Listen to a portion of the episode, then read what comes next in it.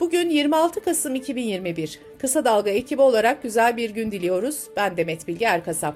Gündemin önemli gelişmelerinden derleyerek hazırladığımız Kısa Dalga Bülten başlıyor.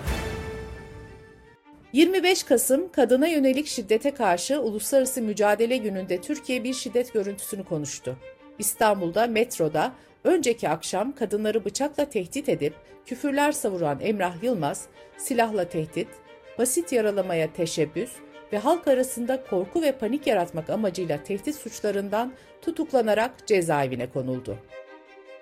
Emrah Yılmaz'ın tutuklanması talebiyle mahkemeye sevk edildiği yazıda savcı Fatma Gül Yörük şu ifadelere yer verdi. Şüphelinin eylemi tüm kadınların özgürce yaşama, sokakta bulunma ve hayatlarına devam etme haklarına saldırıdır. Şiddet önce dilde başlar, sonrasında eyleme döner. Küfür şiddettir. Kadınların yaşam hakkına sahip çıkmak ve kız çocuklarına güvenli bir gelecek bırakmak tüm toplumun asli görevidir. Birleşik Arap Emirlikleri Veliaht Prensi Muhammed bin Zayed Nahyan önceki gün Ankara'yı ziyaret etti ve Cumhurbaşkanı Erdoğan'la görüştü. İki ülke arasında 10 anlaşma yapıldığı belirtildi. CHP lideri Kemal Kılıçdaroğlu bu ziyarete tepki gösterdi ve dün şu mesajı paylaştı. Veliaht Prensi geldi, hazır ola geçtin Erdoğan. Ne oldu senin Rabia'na, ihvanına? Ucunda para varsa anında satarlar davalarını, hakiki Müslümanların sarın yanında yeri yoktur. MHP Genel Başkanı Devlet Bahçeli ise dün partisinin MYK toplantısından sonra yaptığı açıklamada CHP lideri Kemal Kılıçdaroğlu'nu eleştirdi. Bahçeli, CHP Genel Başkanı nereye giderse gitsin milli nefesimiz ensesinde olacaktır dedi.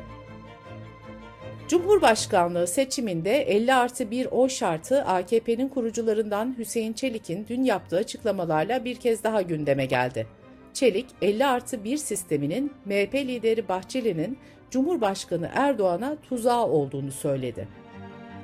Erdoğan'ın sistemden rahatsız olduğunun ortaya çıkmasından sonra AKP'den peş peşe 50 artı 1 eleştirileri gelmiş ancak Bahçeli sistemi savununca konu da kapanmıştı.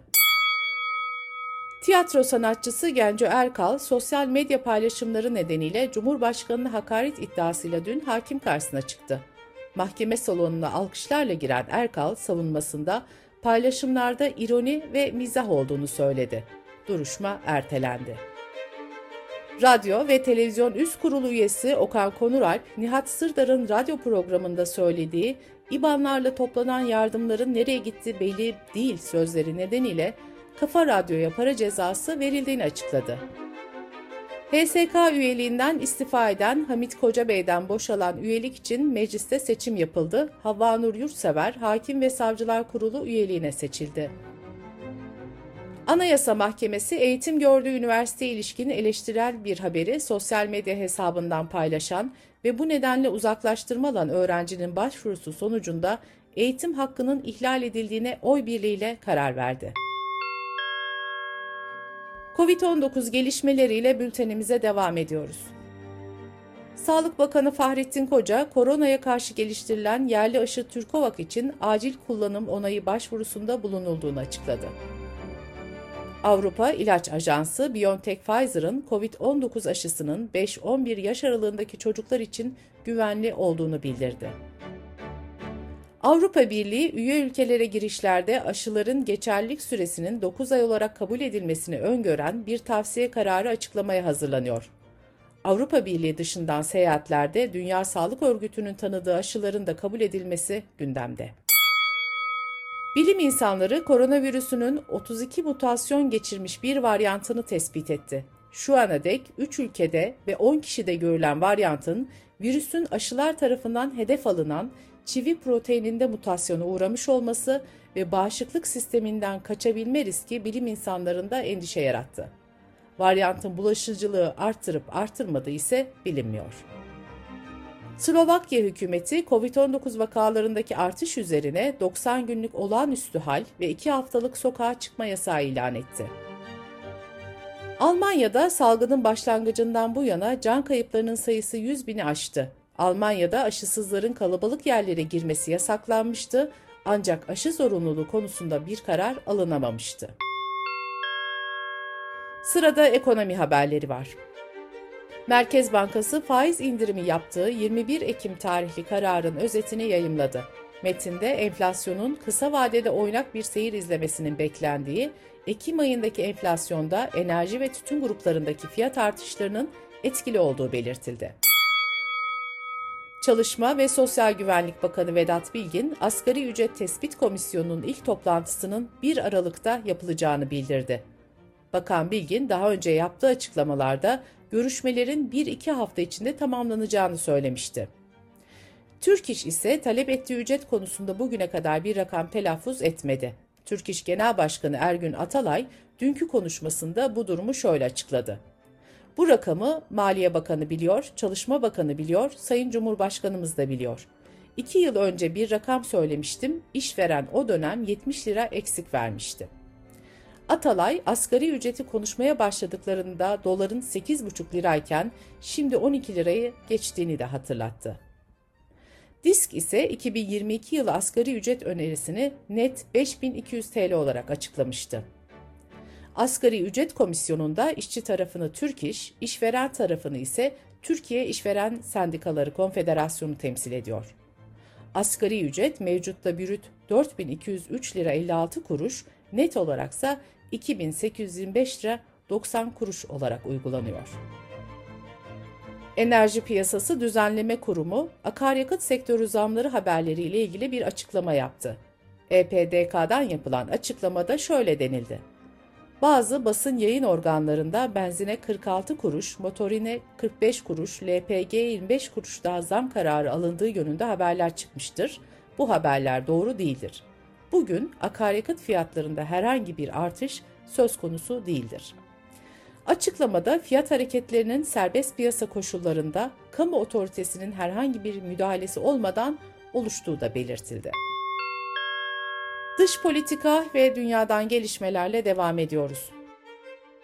İstanbul'da Haliç Kongre Merkezi'nde hafta başından bu yana devam eden Uluslararası Polis Teşkilatı Interpol Genel Kurulu'nda teşkilatın yeni başkanı olarak Birleşik Arap Emirlikleri İçişleri Bakanlığı Baş Müfettişi Ahmet El Reis'i seçildi. El Reis'inin seçildiği haberi Interpol'ün Twitter hesabından paylaşıldı. El Reis'inin adaylığı hakkındaki işkence iddiaları nedeniyle tartışmalara neden olmuştu. Muhaliflerin keyfi şekilde tutuklanması ve işkence uğramasında rol oynadığı iddia edilen El Reis'i hakkında iki ayrı suç duyurusu bulunuyor. Çok sayıda insan hakları örgütü El Reis'inin başkan adaylığını protesto ederken Avrupa Parlamentosu'nun 3 üyesi de AB Komisyonu Başkanlığı'na bir mektup yazarak reisinin seçilmesinin Interpol'ün itibarını zedeleyeceği uyarısında bulunmuştu. Almanya'da yeni koalisyon hükümetinin temelini oluşturan koalisyon anlaşması üzerinde mutabakata varıldı. Sosyal Demokrat Parti, Yeşiller ve Hür Demokrat Parti arasında kurulan koalisyon anlaşmasını partiler kendi içlerinde de oylayacak.